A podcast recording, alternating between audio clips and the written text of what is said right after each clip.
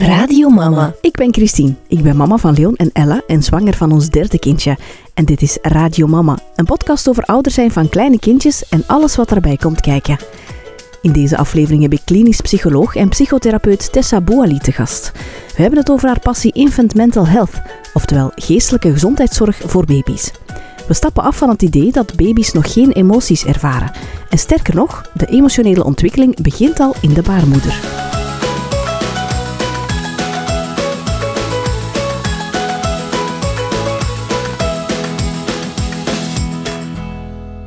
Dag Tessa, welkom in de podcast. Dag Christine. Kan je jezelf eens even voorstellen? Ja, ik ben uh, Tessa Boali. Ik ben een kinderpsycholoog en psychotherapeut. En ik werk uh, in het Centrum Geestelijke Gezondheidszorg in Antwerpen in het infant team. Um, allee, specifiek in het infant team, maar we hebben nog een specifieke moeder-babywerking voor mama's vanaf de zwangerschap tot als kindje één jaar is, waarbij dat we samenwerken met volwassen psychologen, dus met de volwassen afdeling. Mm -hmm. um, dus ik heb eerst uh, klinische psychologie gestudeerd, dus een master um, tot klinisch psycholoog en dan daarna nu net afgerond een vierjarige therapieopleiding van psychodynamische psychotherapie. Um, en ik zou in de toekomst nog heel graag de Infant Mental Health opleiding bij Rino Vlaanderen gaan ja. volgen. Maar dat is nog voor in de toekomst hierna. Bezig je bij. Ja. ja. En ben je ook zelf een mama? Ja, ik heb een zoontje um, van nu bijna twee. Ah ja, oké. Okay. Ja, Oké, okay, top. Je werkt dus rond de Infant Mental Health. Ja. Zoiets waar ik voor de podcast nog nooit van had ja. gehoord. Geestelijke gezondheid bij kinderen, ja, bij, bij baby's. Hè, dat is ook zoiets, als ik Bino hier te gast had, mm -hmm. was, kwam dat ook al ter sprake zo van, hè, een babypsychiatrie, huh, baby's, die hebben toch geen psychiatrische problemen? Ja. Dus het is zo nog niet echt bekend, nee, hè? Nee, nee. Ik denk dat er heel veel wordt uitgegaan van, god, dat is een babytje en die beseffen nog niet heel veel of die maken nog niet dingen heel veel mee. Terwijl wij juist veronder, allee, er echt van doordrongen zijn dat die baby's al van hun baarmoeder heel veel bewust meemaken, dat de bevalling ook door de baby bewust wordt meegemaakt. Um, en dat we eigenlijk van in het begin die baby als een volwaardig persoontje gaan um, benaderen. Dus daar ook mee gaan spreken, net zoals je met een volwassene zou doen. Ja. ja. En wat doen jullie dan precies zo in, in dat soort um, therapieën? Goed, dat hangt er zo'n beetje vanaf, afhankelijk van met welke vragen uh, de ouders bij ons komen. Het is zo dat wij... Ja, een IMA-therapeut gaat zich eigenlijk altijd richten tot de baby, de ouders en de relatie. Omdat, ja, Winnicott heeft dat heel mooi gezegd. Die heeft gezegd van, there's no such thing as a baby. Dus van, eigenlijk kan een baby niet op zichzelf bestaan. Die bestaat alleen maar in relatie tot iemand anders. Zonder ja. die iemand anders was die baby er ook niet. Um, dus wij gaan altijd ouder, baby en hun relatie eigenlijk in onze kamer ontmoeten, zeggen we dan. Um, waarbij als wel zorgen een aanmelding, een reden tot aanmelding kunnen zijn die gaan tot uh, bijvoorbeeld de ouder, dus een mama die in de peripartum een moeilijke periode doormaakt, depressieve gevoelens heeft of angstige gevoelens heeft. Um, of een babytje die heel moeilijk gereguleerd geraakt. Vroeger sprak men van huilbaby's. Uh, maar we willen zo wat weggaan van die term, omdat dat dan de baby echt bestempelt alleen maar tot dat huilen. Uh, ja. Maar baby's die het gewoon algemeen moeilijker hebben of moeilijker gereguleerd geraken. Mm. Um, ja, en dan lijkt het ook alsof dat het alleen bij de baby ligt ja, of zo. Voilà, hè, terwijl ja. het vaker... Iets in de interactie is, hè. Ja. ja. Um, en dan iets... Eh, ja, zorgen in de relatie tussen ouder en baby. Dus ouders die bijvoorbeeld wat dat vaak voorkomt is bijvoorbeeld na een spoedkeizersnede en als ouders zeggen van god die band dat is moeilijk te ontwikkelen um, of uh, ja, vanuit een eigen problematiek van vroeger de relatie met een babytje moeilijker kunnen aangaan of andere factoren die dan maken dat die relatie wat moeilijker loopt, dus dat kan ook een reden zijn. Mensen die um, zich wat zorgen maken over de hechting ja, of zo. Voilà. Ja, ja. Dat, um, dus dat zijn zo wat drie vragen die bij ons kunnen komen en dan gaan we ouders en baby een aantal keren uitnodigen. Meestal is dat één keer per week, soms twee, allee, één keer per week of één keer om de twee weken.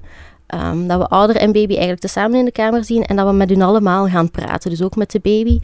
Um, stel nu dat een mama bij ons komt omdat ze een heel moeilijke bevalling samen met de baby heeft doorgemaakt, dan gaan we en met de baby praten over die bevalling en met de mama. Ja. Um, om op die manier eigenlijk voor beide die gebeurtenis die heel moeilijk is geweest, wat gereguleerd te krijgen. Ja. ja. En hoe werkt dat dan zo, praten met een baby?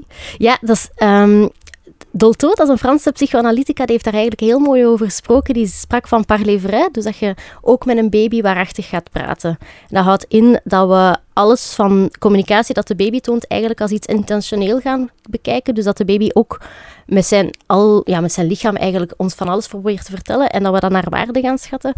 Um, En dat we onze communicatie ook naar de baby gaan afstemmen. Dus bijvoorbeeld ehm, dat we ook tegen de baby gaan zeggen van... Goh, je hebt echt wel wat moeilijke dingen meegemaakt. Hè? Die bevalling is heel moeilijk geweest. Misschien ben jij wel bang geweest dat je niet meer hè, dat niet zou overleven.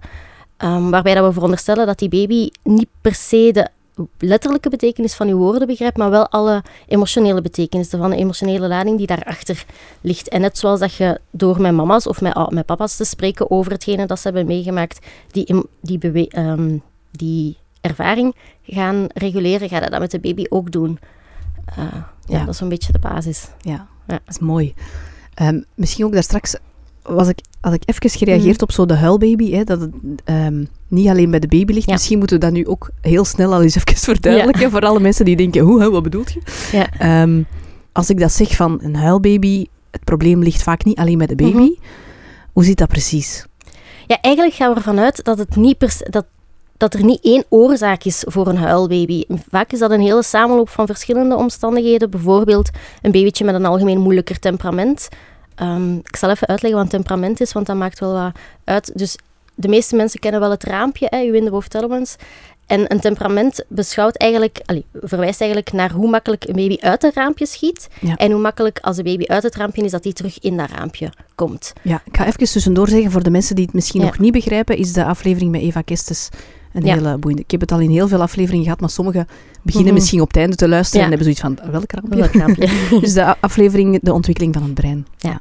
Ja. Um, dus hè, een babytje dat veel makkelijker uit dat raampje schiet en veel makkelijker ja, in, in gedisreguleerd raakt, dat het lastig heeft en veel moeilijker gewoon tot rust komt, ja, dat legt veel meer stress op ouders. Dat is veel, allee, dat is uitputtender om voor die baby te zorgen dan een babytje die makkelijker in zijn raampje blijft of makkelijker gereguleerd is.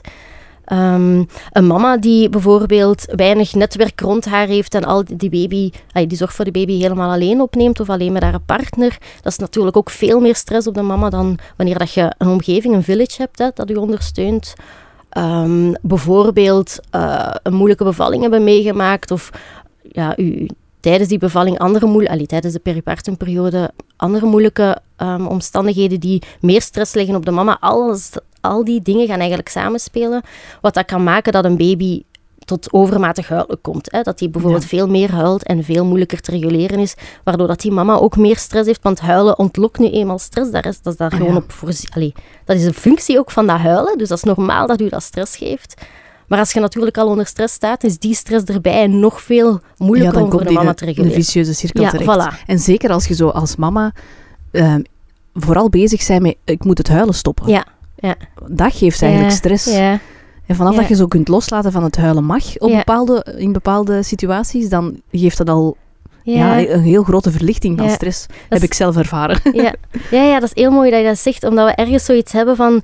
Ik denk dat veel van ons zijn opgegroeid met het idee van... Als je huilt, dan moet dat vooral stoppen en je moet flink zijn en je moet je goed houden. Waardoor als onze babytjes huilen, dat we ook denken, we moeten zorgen dat dat huilen stopt. Terwijl in essentie heeft dat huilen een betekenis. Hè? Is dat ook uw baby dat u iets probeert te vertellen of dat stress probeert te ontladen? Um, en dan is het zo, als we die baby vasthouden en we zijn zelf in stress omdat die dat huilen moet stoppen, ja, dan is dat veel moeilijker voor die baby om zich te reguleren. Want die voelt dus stress. Ja, ja, die pakt dat sowieso op. Terwijl als je die baby vast hebt en die is aan het huilen en je praat tegen hem van, goh, kom maar hier en ik weet dat je een moeilijke dag hebt gehad en we hebben veel nieuwe dingen gedaan vandaag en dat zijn veel indrukken om te verwerken bijvoorbeeld. Eigenlijk wat dat gaan doen zijt, door die woorden die je geeft, zijn je een baby aan het spiegelen. Um, en dat is net het proces dat heel co-regulerend kan werken. Ja. ja. Oké, top. Ik ga daar straks zeker nog um, wat verder op ingaan. Um, dus jullie spreken over drie volwaardige gesprekspartners. Ja. Dus de ouder, uh, de baby ja. en dan de relatie tussen de twee. Ja. Boeiende, boeiende invalshoek. Je zei daar straks ook uh, in ons voorgesprekje uh, waar dat je werkte in het Centrum voor. Kan je dat nog eens herhalen? Centrum Geestelijke Gezondheidszorg. Ja, en dus, blijkbaar heeft elke regio er eentje, hè? Ja, dus elke regio in België heeft een CGG, noemen we dat afgekort, Centrum Geestelijke Gezondheidszorg. Dat zijn centra gesubsidieerd door de overheid, um, waar dat psychologen en psychiaters werken. Um, en die werken vaak in leeftijdsteams. Dat is niet overal zo, maar dat is wel vaak zo, met een jeugdafdeling of volwassenafdeling. En die jeugdafdelingen zijn dan vaak, maar ook weer niet altijd, bij ons in het CGG in Antwerpen is dat wel zo, ingedeeld in leeftijdsteams. Dus wij hebben bijvoorbeeld een team, het infantteam van 0 tot 5, latentieteam van 6 tot 12 en dan adolescentieteam van 12 tot 18. Um, waar dat iedereen eigenlijk terecht kan. Uh, als je zorgen ervaart of als je geestelijke gezondheid, ay, problemen hebt met de geestelijke gezondheidszorg. Wij zijn wel een tweede lijnspartner, wat dat betekent dat voor veel ehm, aanmeldingen, bijvoorbeeld kwetsbaarheid, latentie en het adolescentieteam bij ons wel zo is, dat je een verwijzer nodig hebt. Dus dat uw huisarts bijvoorbeeld meekijkt van, goh, is de vraag die jij hebt geschikt voor een centrum geestelijke gezondheidszorg of een CLB, gebeurt ook heel vaak. Ja. Um, maar elke regio in België heeft eigenlijk zo'n Ja. centra. En heeft dan ook elke regio zo'n infantteam? De meeste, de Ja. meeste, dat begint te komen. Niet, allee, het, het is wat beperkt in sommige regio's. In, al- allee, de meeste regio's zijn wel bezig met dat te ontwikkelen. Veel regio's hebben het al, maar nog niet overal. Ja, oké. Goed, laten we het eens eh, hebben vandaag over eh, een van mijn allerfavorietste onderwerpen op de aarde momenteel. De emotionele ontwikkeling. Die begint dus al bij baby's. Ja. Dat is ook zoiets wat we vaak niet verwachten. Hè? Mhm. Omdat we zo het gevoel hebben, of, of omdat er toch al heel lang de mythe bestaat, dat babytjes nog niet veel voelen. Ehm, chockerend eh, onlangs te weten gekomen dat eh, babytjes tot de jaren 50 80, 80. de jaren 80 Ja.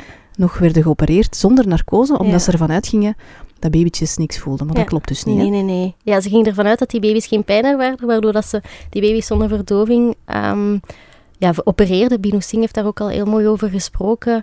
Ehm, maar ja, we weten, ondertussen is dat heel achterhaald, hè, dat babytjes geen pijn hebben, dan wordt dat gelukkig wel gedaan. Maar dat is eigenlijk een beetje hetzelfde met de emotionele ontwikkeling. Hè. Er wordt Mhm. vaak gedacht van, goh, dat babytje die maakt van alles mee, maar die beseffen dat nog niet heel goed, of die maken dat niet bewust mee. Of die vergeten dat toch? ja, voilà. Of die vergeten dat of. En in essentie is daar ergens iets van waar. Hè. Die gaan dan niet als een actieve herinnering kunnen terughalen, maar dat zit in heel dat lijfje. Ja. Heel dat lijfje heeft die gebeurtenis lichaam wel herinnert het zich Voilà. wel. Ja, ja. Niet, Ehm. geen bewuste herinnering als in beelden of zo, Nee. maar het zit wel in je lijf. ja, voilà. Dat zit in uw stressraampje. Hè. Dat zit in ja, de manier dat je hersenen helemaal ontwikkelen in die eerste jaren. Dat zit, alles wat dat je meemaakt heeft eigenlijk een impact op ja, je lichaam. Dat is eigenlijk hoe dat je het mooiste kan beschrijven. Dat zit in je lijfje. Ja. Ehm, en dan gaan we wat zoeken. Allee, wat dat wij dan proberen doen, is hoe dat we daar ook voldoende waarde gewoon aan kunnen hechten. Dat, dat de baby ook een volwaardig persoon is waarmee dat we ja, interageren of, of in gesprek gaan. Ehm, en die bewust dingen meemaakt. Dus net zoals dat, we, ja, dat wij willen praten over hetgene dat we hebben meegemaakt, of dat moeilijk loopt, wil de baby dat ook. Eh, en daar willen we wel wat aandacht voor brengen. Ja. En als je zo spreekt over de emotionele ontwikkeling, Mhm. waar begint die dan precies? Is dat al in de baarmoeder? Ja, zeker. Ja, ja, ja. Dus, ja, ik weet niet of dat ons dat te ver gaat brengen, maar er zijn zo twee concepten dat ik daar heel interessant van vind. Dat is de fantasmatische en de imaginaire baby. Ehm, wat dat wil zeggen, dus vanaf dat, dat je eigenlijk nog maar aan het fantaseren bent over ehm, zwanger worden, Mhm. is dat hechtingsproces al bezig. Ja, Ehm, je stelt je voor van... ja, hoe gaat dat zijn? Ja. Hoe gaat dat zijn? En dan zijn er twee concepten. De imaginaire baby ehm, is eigenlijk het beeld dat je van je baby opmaakt op basis van die activiteitscycli. Je hebt baby's die in de buik gewoon al veel steviger van zich laten horen en duidelijk stampen en heel hard reageren op hetgeen gehoord. Je hebt baby's die van in de buik al wat rustiger zijn. En als je een baby hebt die bijvoorbeeld heel hard stampt, dan wordt dat al snel in je hoofd van dat gaat een hevige zijn, ook Ja. na de bevalling.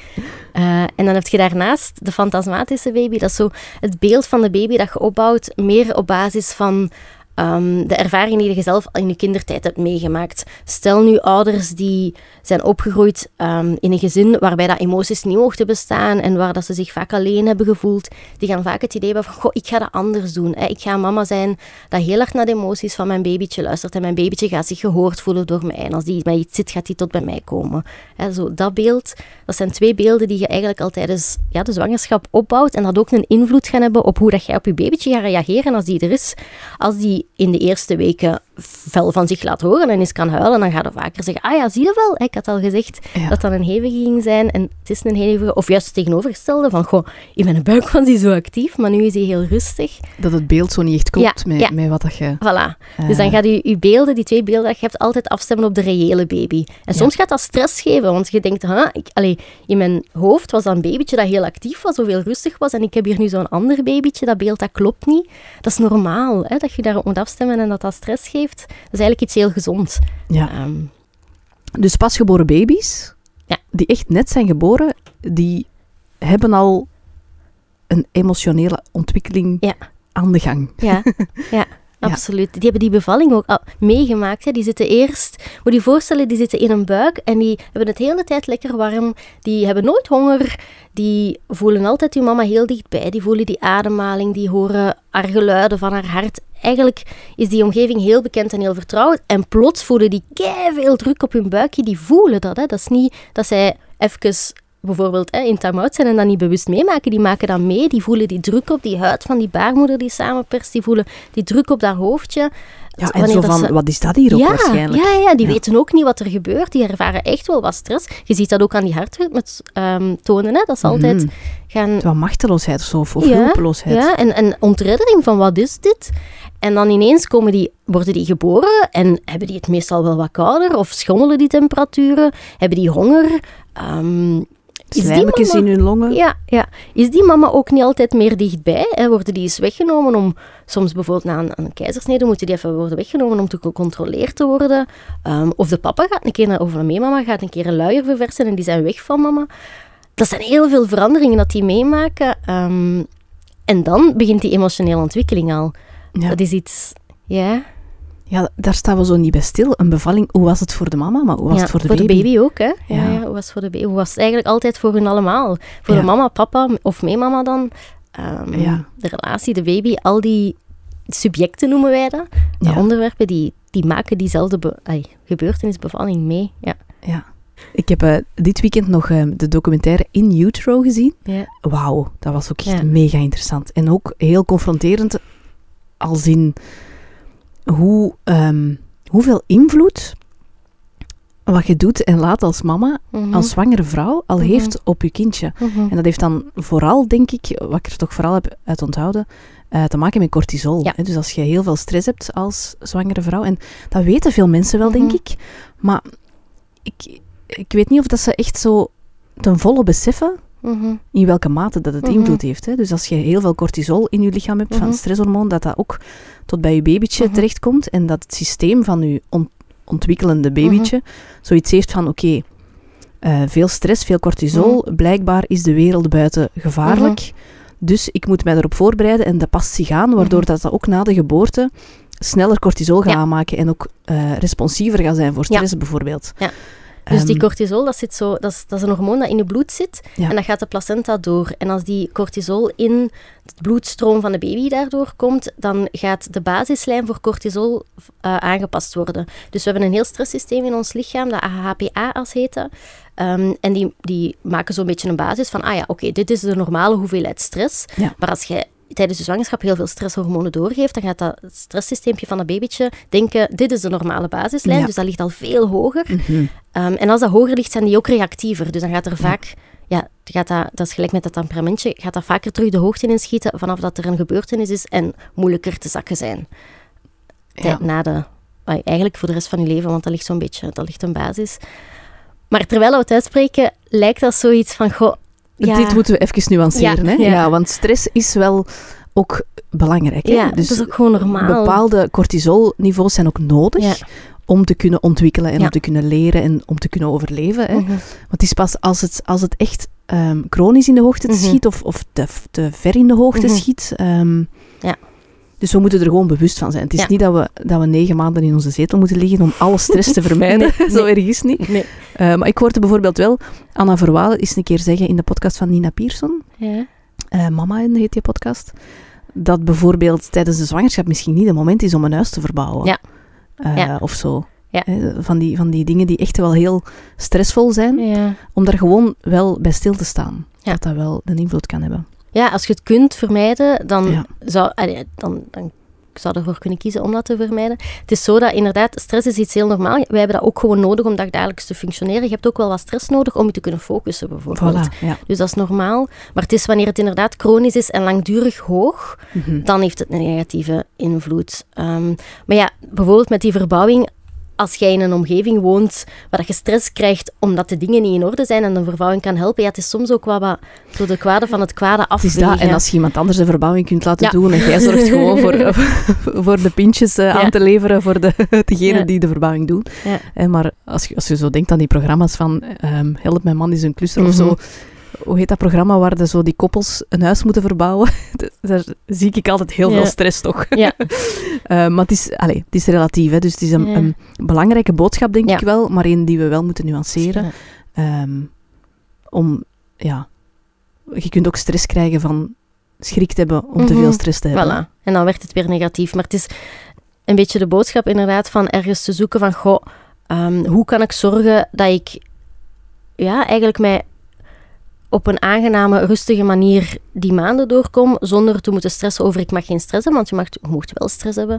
Maar het is wel zoeken hoe dat je mentaal je de ruimte kunt geven om even gewoon te zijn en je voor te bereiden op die komst van de baby en je gezin dat gaat veranderen. Ehm, Ja. En ook dat de stress opnieuw terugzakt elke keer. Ja. Dat is denk ik ook Ja. belangrijk. Hè? Dus dat, dat je uit je raam gaat af en toe is ook normaal, maar Mhm. je, je moet er ook wel terug in geraken. Want anders dan zit je aan dat chronisch niveau. Hè? Ja. En wat mij ook heel belangrijk lijkt, is ehm, de ondersteuning. Hè? mhm. Dat is ook waarom dat Binou toen in die lezing, dat heb ik pas recent door. Allee, ik had het toen ook al wel begrepen, maar nu begrijp ik pas echt wat ze bedoelde van een zwangere vrouw moet je op je wimpers Ja. dragen.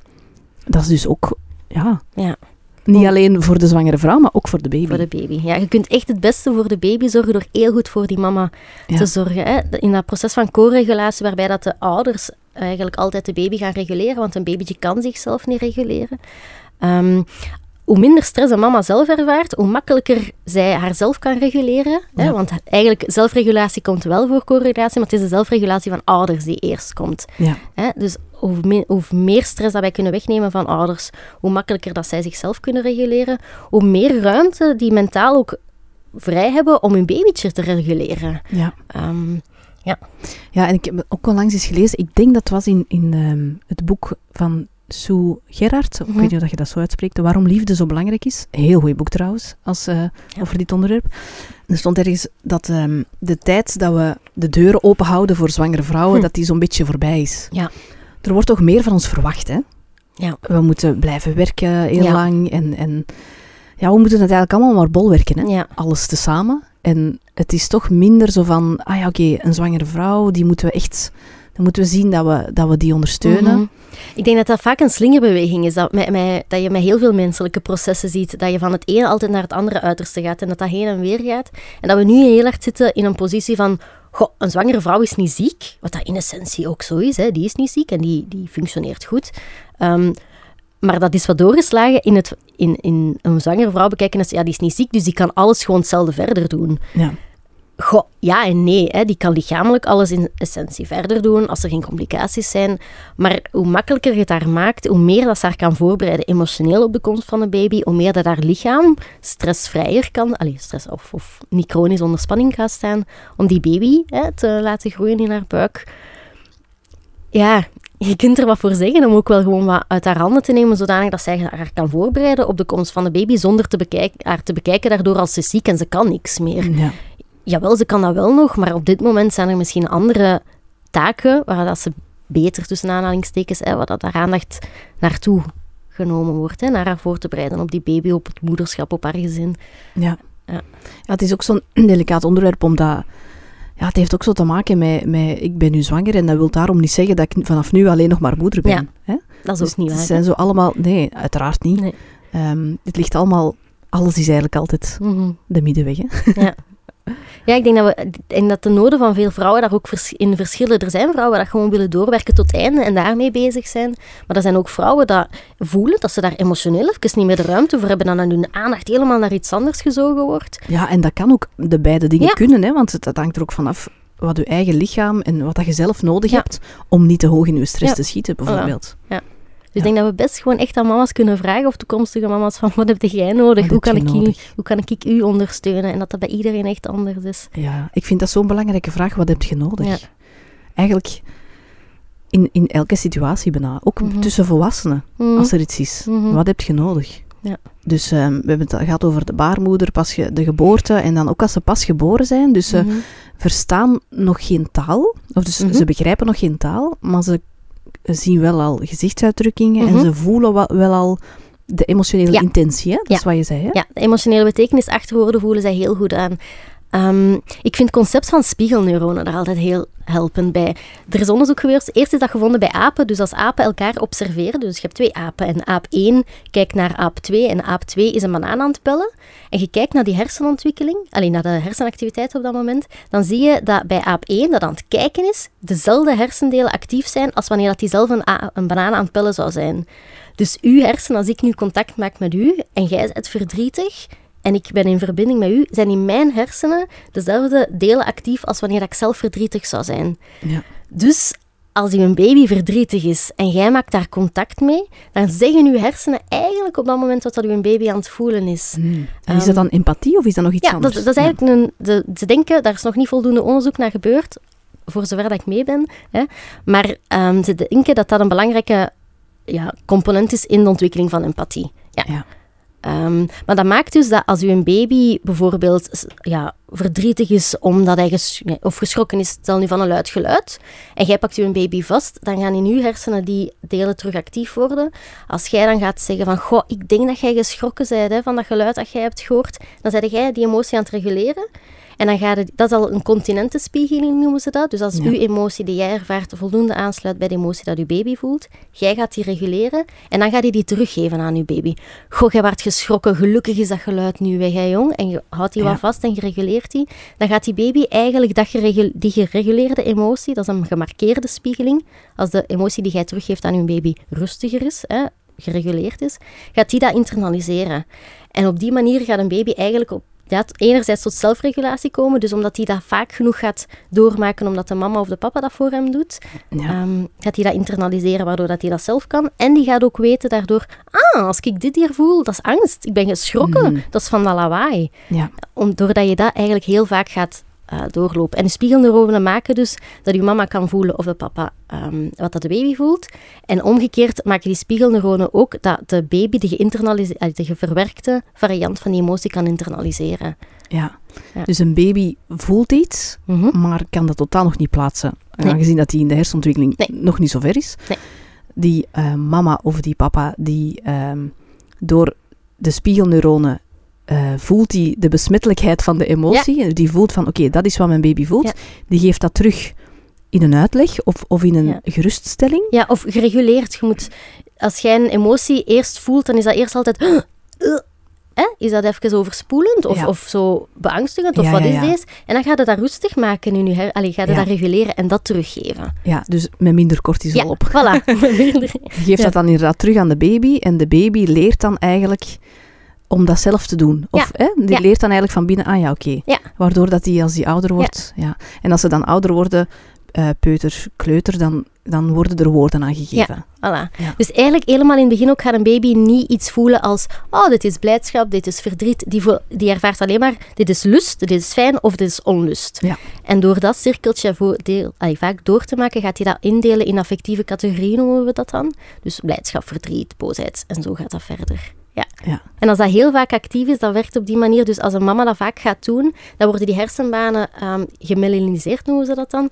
En hoe vaker dat dat gebeurt, hoe dominanter dat dat is en hoe makkelijker dat dat voor de baby is om dat daarna zelf te doen. Ja, de paadjes worden getrokken, in de nieuwe paadjes getrokken. Ja, dat is ook zo als je als volwassene een nieuwe gewoonte wilt, Ja. wilt slijten, hè, zoveel mogelijk doen, Ja, zodat de paadjes ja, gelegd worden. Oké. Heel boeiend allemaal, hè, want je zou zo ehm, misschien denken in eerste instantie van eh, ja, emoties, daar, daar, is mijn, daar zijn mijn, kind, Mm, mijn kinderen pas klaar voor vanaf ze taal hebben. mhm, Maar dat is dus nog mm, niet zo, Nee, hè? nee. oké. En ik denk dat veel ouders ook zoiets voelen van, goh, bijvoorbeeld stel nu, hè, die bevalling is heel moeilijk geweest, of je maakt een heel moeilijke kraamperiode door, en je voelt je niet goed. Ik denk dat veel ouders zoiets gaan hebben van, goh, ik voel mij verdrietig, maar ik wil mijn baby daarvoor beschermen. Ja. Dus ik ga zeggen dat alles oké is. Maar die baby gaat voelen van, oké, mijn mama die zegt, alles is hier oké, maar ik voel met mijn lijfje dat het eigenlijk niet oké is. Wat is deze? Dat is veel verwarrender voor de Mhm. baby. Terwijl als je gaat zeggen van, goh, mama is een beetje verdrietig en ik weet eigenlijk niet hoe dat, dat komt, maar dat komt wel goed. En hè, je gaat dat teruggeven, dan gaat de baby doorhebben of, of zich meer gerustgesteld voelen van oké, mijn mama die is verdrietig, maar dat komt goed. Die gaat niet door, allee, de betekenis van die woorden gaat hij niet per se begrijpen, maar die gaat veel minder spanning ervaren omdat er iets incongruent is tussen hetgeen gezegd wordt en dat die baby zelf voelt. Ja, die gaat voelen Ja. van oké, wat ze hier zegt klopt Ja, met, met wat, ja, met wat ik voel aan haar. Ja. Voilà. En dat voelt veilig voor een baby. Dat hoeft daarom niet iets positiefs te zijn, maar dat voelt wel veilig omdat het betrouwbaar en bekend, allee, niet bekend, maar wel betrouwbaar is. ja, en ook als ze ouder worden, dan geeft dat ook de boodschap van eh, emoties zijn oké. hè? Ja, Hè, want, want kinderen, kleine kinderen Ja. voelen sowieso heel veel emo- emoties en heel intens. En als eh, ouders, als ze merken dat ouders dat ook hebben, Mhm. dan beseffen ze Mhm. ook meer van dat hoort Mhm. bij het leven. Ja. En het is niet om bang voor te zijn. Het is, een emotie komt, ze zeggen vaak, hè, dat is als een golf, dat komt en dat gaat weer weg. Als we een baby daardoor blijven, allee, daarbij blijven en die emotie laten doorgaan, als we als ouder zelf ook die emotie laten bestaan en ons allee, ermee laten doordijnen, dan gaat een baby veel sneller het gevoel van, oké, ja, emoties die zijn er en we gaan daar, dat gaat op en af en ik voel me nu verdrietig, maar straks gaat dat weg. Terwijl als je dat gaat proberen verstoppen, gaat er veel meer iets ontstaan van oei, wat is dat, die emoties? Als je daarvoor wilt ons, verstoppen of je wilt dat wegwerken, dan wil dat wel zeggen dat dat onveilig is. Waardoor emoties veel meer die negatieve uh, connotatie gaan hebben of zo'n angstige bijklank gaan krijgen. Ja, dat we ze moeten vermijden voor de rest van ons leven. Voilà. een boog diep weg. Ja. ja. Dus naast het verzorgen van een pasgeboren baby, mm. dat, dat lijkt zo soms wel de belangrijkste taak, mm. een pampertje geven, mm -hmm. zorgen dat ze goed slapen, borstvoeding geven of, of een flesje geven moeten we dus ook kijken naar de emotionele behoeftes. Ja, En wat zijn zo de emotionele behoeftes van, van een pasgeboren baby? Dezelfde als wie dat wij hebben.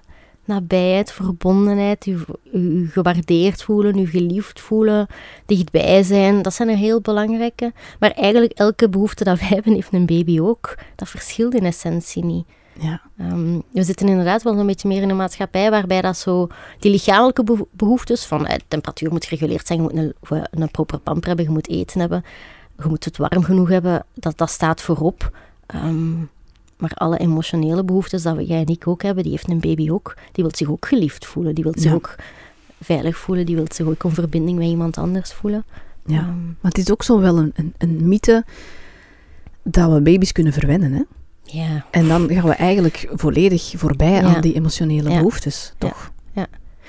Je hoort nu vaak ook zo van, vanaf tot zes maanden kun je een baby niet verwennen en daarna weer wel. Omdat vanaf zes maanden er nog wel wat verschil zit in de um, hersenontwikkeling qua oorzaak-gevolg leren. Ehm, maar ik vraag me altijd af, bijvoorbeeld bij slapen wordt dat vaak gezegd, hè, van ja, mhm. als die huilt en jij gaat daar naartoe, dan gaat hij leren als die huilt dat jij gaat komen. Hè. Terwijl ik denk, ja, als je huilt en ik kom, als je dat leert als baby, is dat dan niet net iets moois? Zo? Als je weet van, als ik huil, dan gaat mijn mama komen. En dan komt hij en dan gaat hij mij helpen en dan gaat hij nabij zijn. En is die, die behoefte aan nabijheid en verbondenheid gewoon even belangrijk als ik heb honger. Um, ja, want de vraag is toch ook vooral, waarom huilt hem dan? Ja, Hè? ja.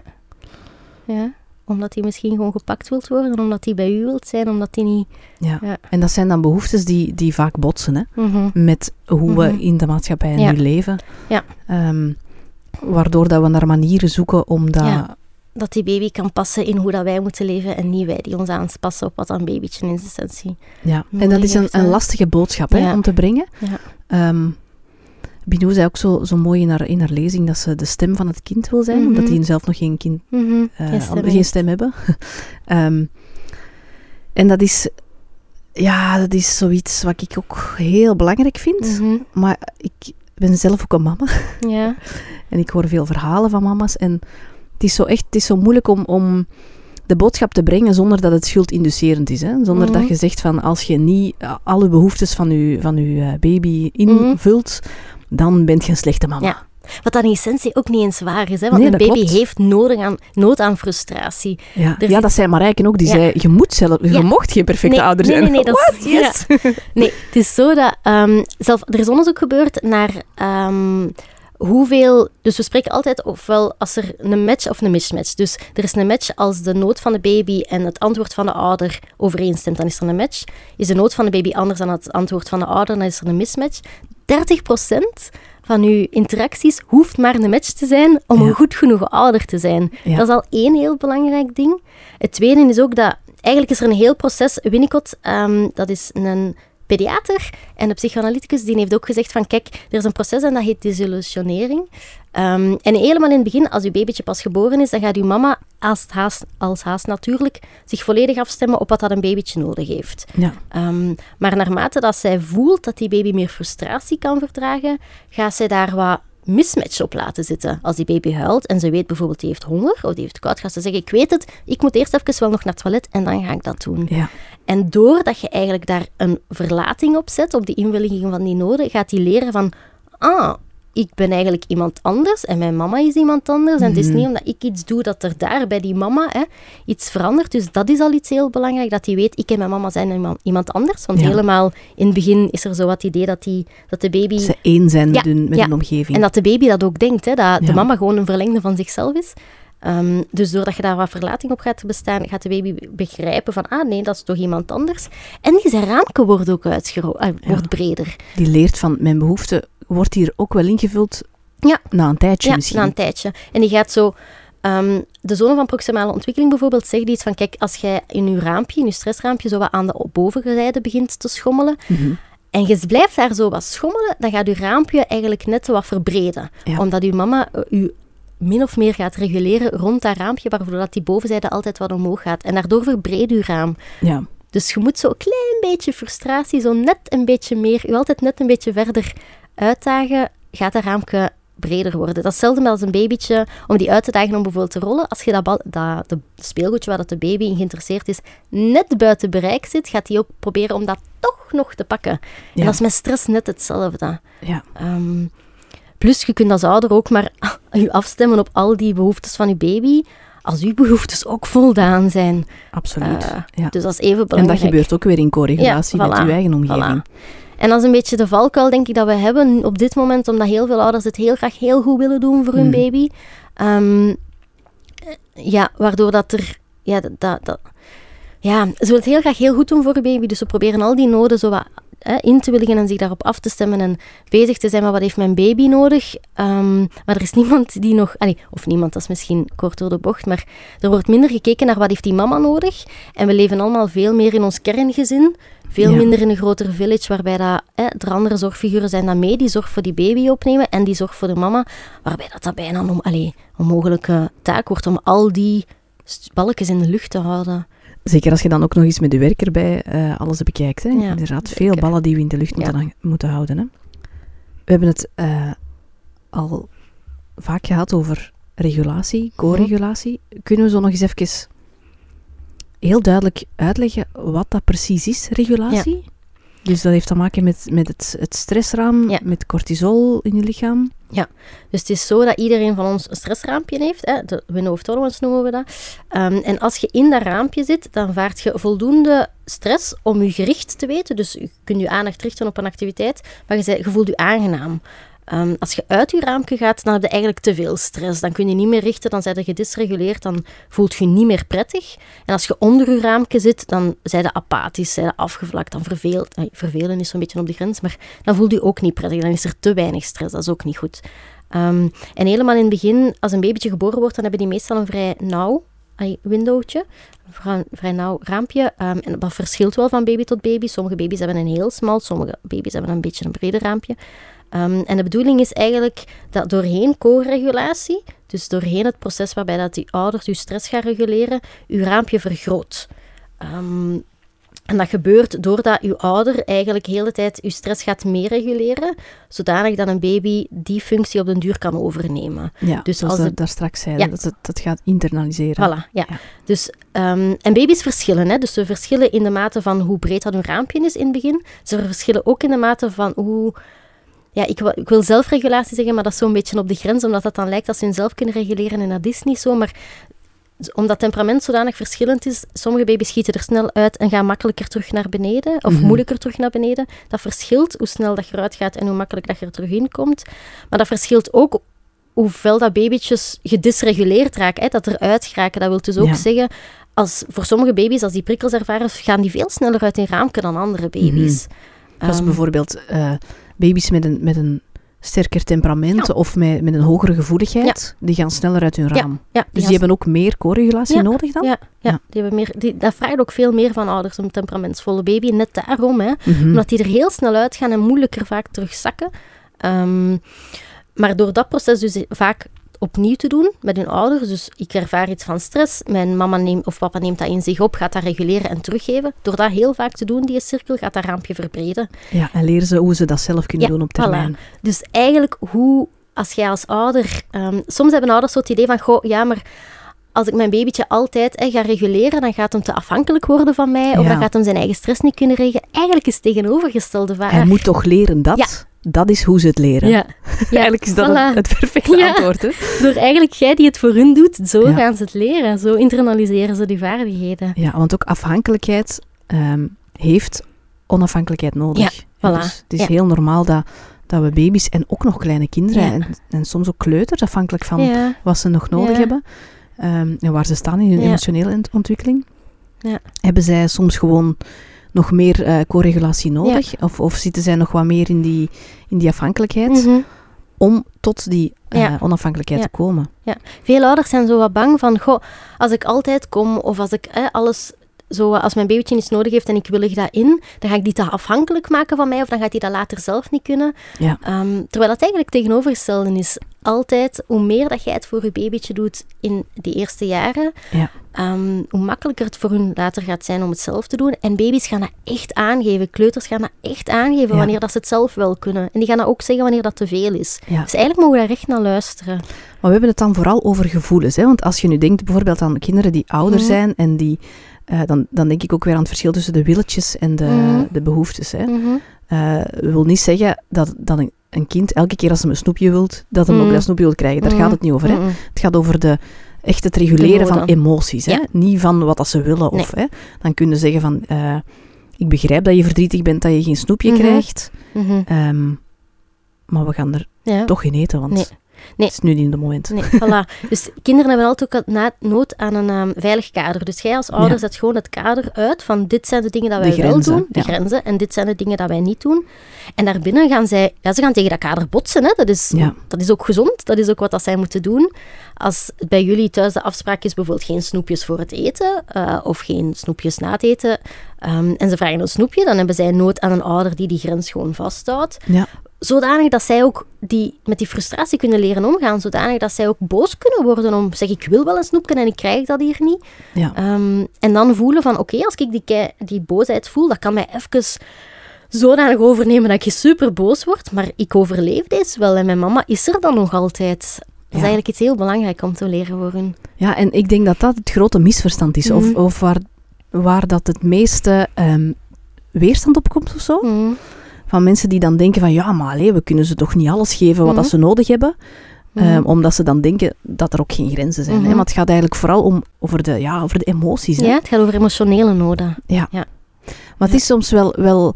Omdat als uw omgeving zo zegt van, ja, ze moeten het toch leren. En als je, hem- als je hem dan nu gaat geven wat hij nodig heeft, dan, dan gaat dat nog meer zijn of zo. Mhm. Hè, Of dat, dat, dat is Ja, we zijn zo bang om het afhankelijk precies te Ja, maken maar daardoor. ook omdat andere mensen dat zeggen. Ja, Hè? Of om ja. andere mensen dat, dat dan... Ja, dus dan is het soms moeilijk om als mama sterk in je schoenen ja, te staan. dat is ontzettend moeilijk. Ja. Ja. Ik ben daar wel heel hard in geëvolueerd Ja. ondertussen.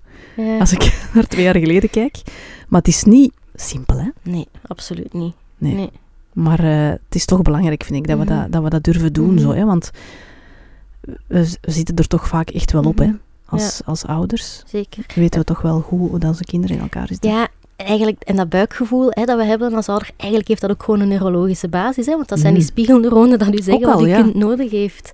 Ja. Ja, maar we zijn vaak zo anders opgevoed ook dan hoe dat we het nu proberen te doen, of wat dat de wetenschap nu weet over de ontwikkeling van kinderen. Ja. Dat daar ook gewoon stress op komt. Hè. Dat is ook lastig om te weten van, ah oké, maar hoe dat ik ben opgevoed, dat strookt dan niet per se altijd met hoe dat ik het zelf zou willen doen. Ehm, dat is lastig, gewoon om dat te ervaren. Je, wilt ook, je, hebt, je voelt loyaliteit naar je ouders. Je vindt dat ook, dat is ook lastig om soms te voelen van, goh, wat zijn mijn onvervulde noden als kind? Dat zijn lastige gevoelens dat daardoor ook wel naar boven komen. Ja. Is het soms geen moeilijk evenwicht tussen co-regulatie Hm. of ontladen?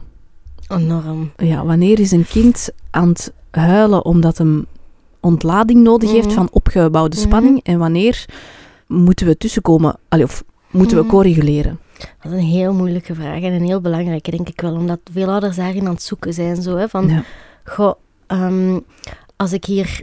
Mijn kind is heel intens aan het huilen, maar is dat dan omdat hij de spanning van de dag wil ontladen? Of, en moet ik dat laten doen en moet ik dat huilen ondersteunen? Of is die zodanig uit zijn raamke dat ik het moet overnemen? Ik denk dat dat een heel moeilijk is. Ehm, wat dat daar soms echt helpend bij is, om, is om zo wat te zoeken van, goh, wat doet dat huilen met mijn baby? Als het... ehm, als die baby aan het huilen is en die gaat altijd omhoog en omhoog en omhoog en omhoog en omhoog, voelt dat die spanning stijgt, dan is het meestal niet ontladen. Omdat ze Ja. dan aan het opbouwen zijn. En dan is het, van, is het eerder iets van, goh, ik voel me niet prettig ehm, en het lukt me niet om te reguleren, dus ik raak verder en verder en verder in mijn raamke. Terwijl is het bijvoorbeeld, je geeft je kind vraagt een koekje, jij zegt, geeft een grens en je zegt nee, en dan begint hij heel intens te huilen. Dan gaat hij van heel hoog en voelt je dat dat huilen altijd wat zakt. Ehm, en dan Ja. is het vaak ontladen. Dus je moet, het helpt zo wat om te kijken van het huilen dat mijn kindje aan het, dat toont, het huilen dat, dat, dat, dat ik hoor, wat doet dat? Stijgt dat in intensiteit of daalt dat? Mhm. Ehm, dat helpt. Wat ik daar ook helpend bij vind, maar dat is een beetje mijn stokpaardje, hè, is eh, voel- voelen. Wat, wat voelt jij zelf dat je een baby nodig heeft? Dat gaat u ook echt, echt iets vertellen. Ja, en, Voelt- en daarvoor mogen ook nu weer niet te hard vasthangen aan bepaalde theorieën en zo. Hè? Nee, nee. Het is soms echt ook een beetje je hoofd uitzetten en naar je buik luisteren. Ja. Ehm, als jij het gevoel hebt, je baby is aan het huilen en die heeft die nodig, gaat daar dan naar uit. Dan mocht je die echt wel gewoon pakken en co-reguleren. Daar doe je niks mis mee. Stel je dat het toch zo was, hè, dat hij wel aan het laden en dat die spanning eruit moest, dan gaat hij dat op een ander moment ook wel doen. En dan gaat het misschien wel voelen op dat moment. Dus hij gaat dat ook wel opnieuw en opnieuw proberen tot als hij zijn behoefte vervuld ziet.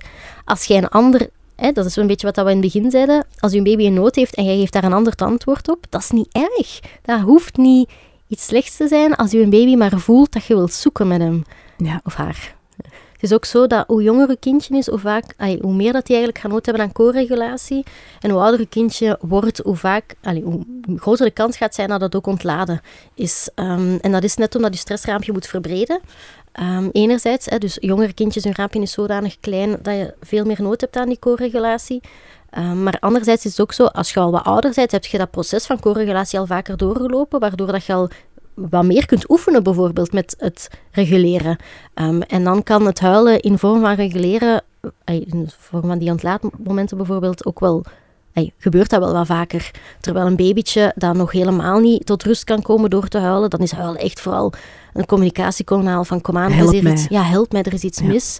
Terwijl een, ehm, een peuter die leert over grenzen, over wat kan ik wel en wat kan ik niet, waar, ehm, ja, wat, wat bepaal ik en wat bepaalt mijn mama, daar gaat ook veel vaker iets bij zitten van frustratie en boosheid of opgestapelde spanningen doorheen een dag, terwijl een baby veel meer in het hier en nu leeft. Ja.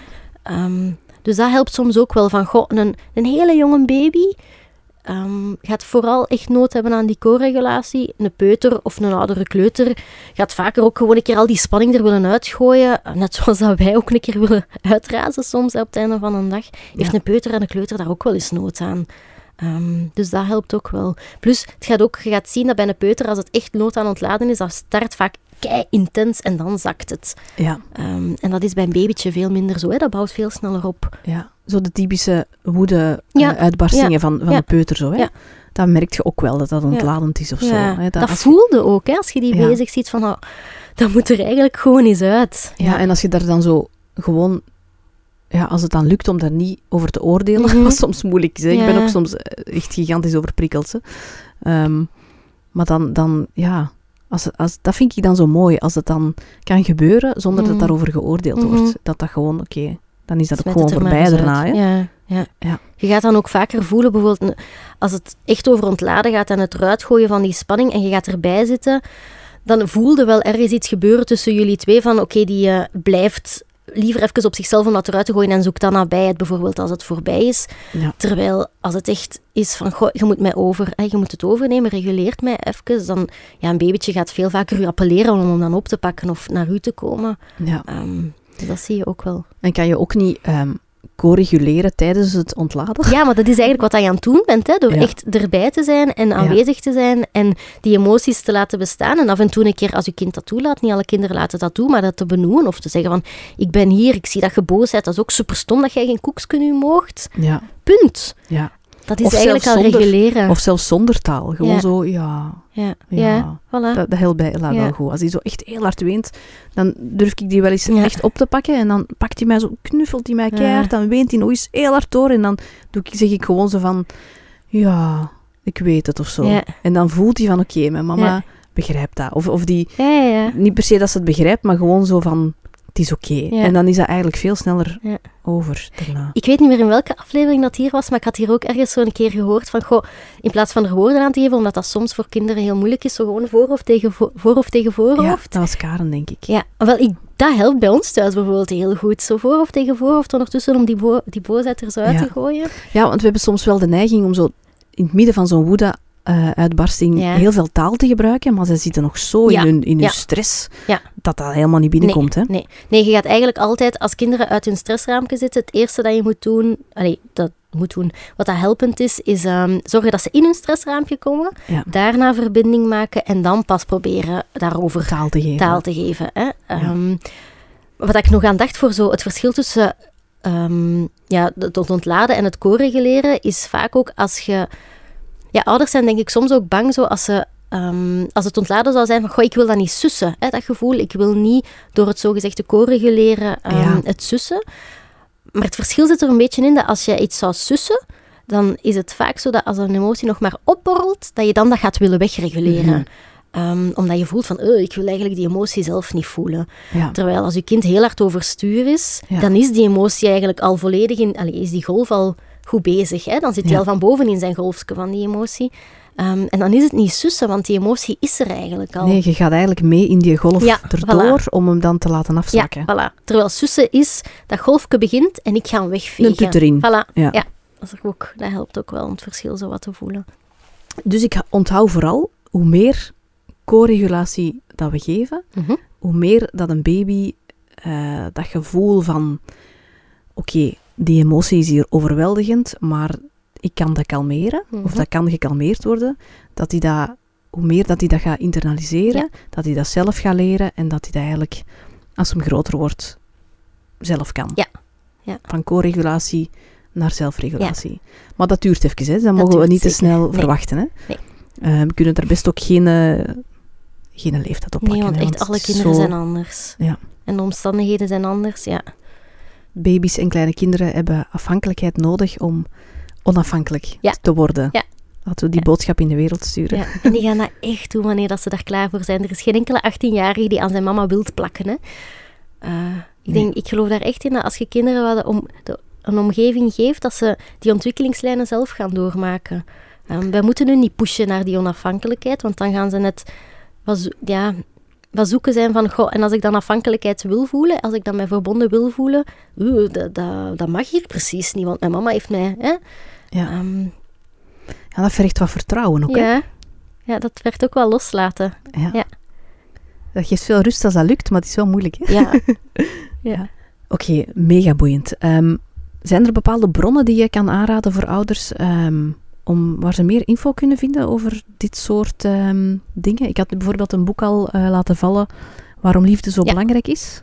Het is wel moeilijk geschreven, het is wel een lijvig een boek ook. Mhm. Maar het is wel, allee, als je niet, het is niet zo'n boek dat je op één avond uitleest eh, Nee. aan het zwembad. Nee. Ik zal het zo zeggen.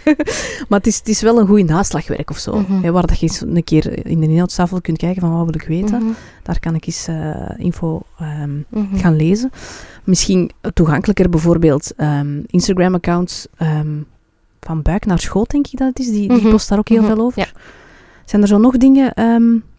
Ik ben eens aan het denken, er is, dat is misschien ook wel wat naar meer naar de wetenschappelijke kant, maar Nicole Vliegen schrijft daar ook wel veel over. Er is zo'n boek Kleine baby's, prille ouders, dat wel interessant is. Ja. Dat is in essentie vooral gericht op hulpverleners, maar dat gaat echt, echt over hetgene dat wij nu vertellen, over de ontwikkeling Ja. van de baby's en over de, allee, de ontwikkeling van de ouders in die eerste, eh, in het peripartum. Ehm, er is ook net een nieuw boek uit van haar, samen met iemand anders, maar die tweede auteur ben ik even vergeten. Vroege ontwikkeling alle kansen geven. Dat is ook Ah, wel ja. echt een hele interessante, die maar dat, gaat, liggen. maar dat gaat ook weer, ook, ja, zeker naar het einde toe, wat meer over hoe kunnen we onze gezondheidszorg dan organiseren op baby's. Ehm, maar dat vertrekt wel vanuit helpende basisprincipes. Ja, je kunt eruit halen wat dat je Voilà. zelf nodig hebt. Hè? Voilà. Zoals met die boek van, eh van Sue Gerhard Ja. ook. je hoeft Ja, niet helemaal te lezen Nee. daardoor om er, om er iets aan te Ja. hebben. Hè? Voilà. Ik vond hem alleszins mega Mhm. interessant, maar op een bepaald punt had ik wel zoiets van, "Pff, oké, nu wordt het saai. Maar dan ben ik eigenlijk gewoon naar een ander hoofdstuk Ja. gegaan en dan ging het weer, weer terug. En dan heb ik nog het, het eerste hoofdstuk zelfs nog eens gelezen. Dus het is zo, ja, ik heb dat losgelaten op een bepaald moment. Ik lees zoveel boeken, maar ik krijg die nooit uitgelezen. Dus ik heb dat losgelaten dat ik die ook volledig wil Van lezen. A tot Z, van voor naar Ja, dus ik kijk nu ja. eigenlijk in de inhoudstafel van wat wil ik weten. Ja. En eh, ja, dat vind ik, dat vind ik leuker. Ja. Ehm, en nog ja, wat, wat baby's nodig hebben hè, van Melanie Fischer is Ja. ook wel een heel interessante. En wel toegankelijker ook. Die heeft ook wel zo de wetenschappelijke kennis proberen te vertalen naar gewoon begrijpbare taal. Ja. Eh, dus dat is ook wel een helpende. Yes. Oké, super. Dan eh, wil ik jou heel hard bedanken voor dit eh, heel boeiende gesprek en voor naar hier te komen. Dank u wel om mij uit te nodigen. Heel graag gedaan.